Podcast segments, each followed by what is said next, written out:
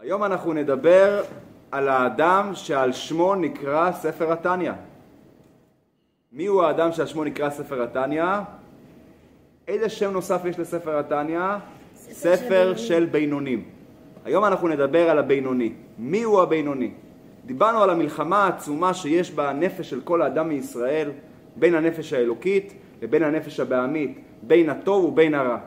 ואנחנו הזכרנו בפרקים הקודמים שיש את הצדיק מצד אחד ואת הרשע מהצד השני. הצדיק מנצח במאבק לחלוטין, מכריע את הרע, מכריע את הנפש הבעמית, את היצר הרע, משתיק אותו לגמרי. הרשע לעומתו זה אדם שנכשל במאבק. יכול להיות שהוא נכשל, אמרנו, פעם ב, יכול להיות שהוא נכשל הרבה, אבל הוא נכשל במאבק. אז אם יש לנו את הניצחון של הצדיק, את הכישלון של הרשע, איפה נמצא הבינוני? הוא לא מנצח ולא נכשל, אז איפה הוא נמצא? בפרק י"ב מסביר בעל התניא את דמותו המדהימה, באמת מדהימה של הבינוני. הבינוני נמצא באמת במצב ביניים, בין הנכשל לבין המנצח. הבינוני הוא המתמודד. אדם שמצד אחד הוא אף פעם לא נכשל, כי אם הוא נכשל איך הוא נקרא? רשע. רשע, אז הוא אף פעם לא נכשל. במה הוא לא נכשל? לא במעשה, לא בדיבור ואפילו לא במחשבה. כי אם הוא נכשל אפילו במחשבה, בפרק הקודם אמרנו נקרא רשע. אז למה הוא לא צדיק? כי אצל הצדיק אין רע בכלל, הוא ניצח את הרע. לעומתו אצל הבינוני, או-אה, כמה רע יש בתוך הלב שלו, הלב שלו כועס, הלב שלו מתגאה, הלב שלו מתעצבן, יש לו בלב הרבה מידות רעות. אלא מה? כאשר המידות הרעות האלה באות לידי מחשבה, דיבור ומעשה, שם הוא מצליח להתמודד ולהתגבר שלא יבואו לידי ביטוי. הלב שלו רותח ממידות רעות. אבל יש זמן אחד בלבד שהלב רגוע. מתי הזמן הזה? אתם יודעים? כל יום. בשעת התפילה וקריאת שמע, אז האדם מתחבר לקדוש ברוך הוא, הבינוני בזמן הזה כל כך מתחבר לאלוקים שהוא מצליח להשתיק את הרע. בתניא הוא קורא לזה שהרע בעת הזאת ישן. מה זה אומר שהאדם ישן? שעוד מעט הוא יתעורר.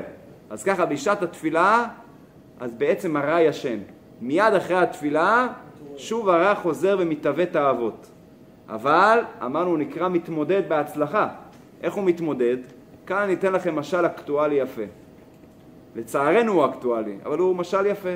לצערנו מדי פעם אנחנו חווים סבבי לחימה מהחמאס בדרום, הג'יהאד האיסלאמי. הם יורים רקטות, יורים טילים. כנגד זה יש כיפת ברזל, המיירטי כיפת ברזל שפוגעים בטילים. כמה אחוזי הצלחה? 90 ו... 95 אחוזים. ממש כמו המשל הזה, אבל רק בשוני אחד.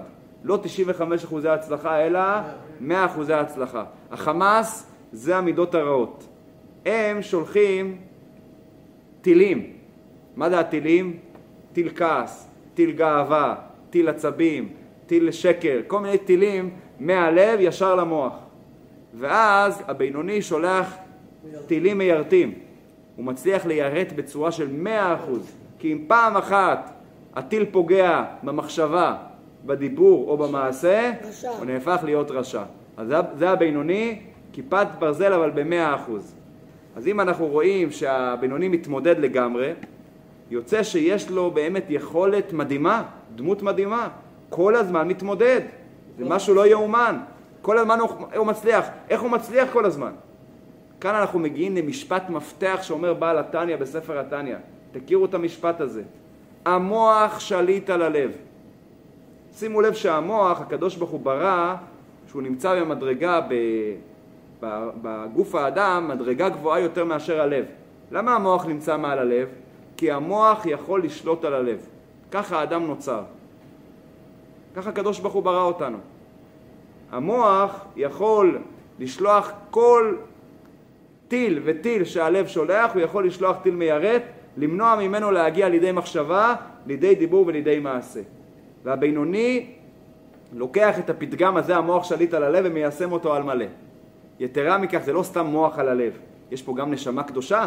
הנשמה הקדושה היא אור גדול, ואפילו מעט אור דוחה הרבה חושך. אז אם יש הרבה אור, נשמה קדושה, אז יש לה כוח לדחות את כל החושך. וזה בעצם הסיפור של ההתמודדות של הבינוני כנגד הרע.